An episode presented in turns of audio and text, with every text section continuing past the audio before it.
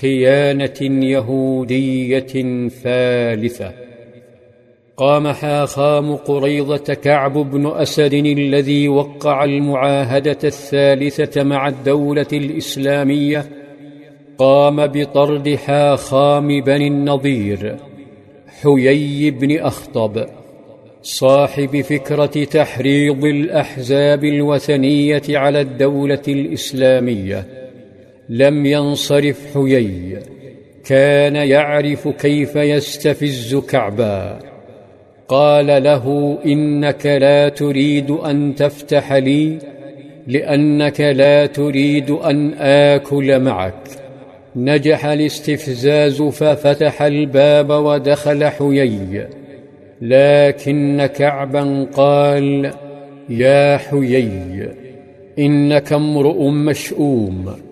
وإنه لا حاجة لي بك ولا بما جئتني به. إني لم أر من محمد إلا صدقا ووفاء. وقد وادعني موادعه فدعني وارجع عني. فرد عليه حيي والحماس يملأ ثيابه. ويحك يا كعب جئتك بعز الدهر. بقريش معها قادتها حتى أنزلتها برومة وجئتك بغطفان على قادتها وسادتها حتى أنزلتها إلى جانب أحد. جئتك ببحر طام لا يرده شيء. فقال كعب جئتني والله بالذل.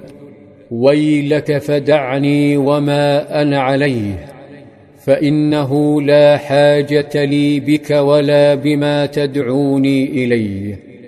بدأ حيي يمني كعبا بزوال الدولة الإسلامية وامحاء الإسلام. بأمهات المؤمنين والنساء المسلمات جواري في حصنه بدأ يجري له عمليات حسابية. ماذا يفعل ألف مقاتل مسلم جائع أمام أكثر من عشرة آلاف مقاتل مدجج بالسلاح؟ بدأ بإخافته من الأحزاب وأنهم سيعاقبونه إن ظل على مسالمته وعهده مع محمد. ظل حيي بن أخطب يفتله في الذروة والغارب حتى أطاع له. لكن كعب بن أسد أراد ضمانات من حيي ألا يتخلى عنه. ماذا لو عاد الأحزاب دون حرب؟ هنا أعطاه حيي بن أخطب العهد والميثاق. لئن رجعت قريش وغطفان قبل أن يصيبوا محمدا لأدخلن معك في حصنك حتى يصيبني ما أصابك. اقتنع كعب بن أسد بجدية العرض وأن أكثر من عشرة آلاف مقاتل وثني سيدفعون فاتورة خيانته فنقض العهد. وأظهر البراءة من القائد صلى الله عليه وسلم وما كان بينه وبينه. أرسل له يعلن أنه مع الأحزاب وأنه شريك في الحرب. وصل الخبر إلى المسلمين فزلزلوا زلزالا شديدا وارتبكوا.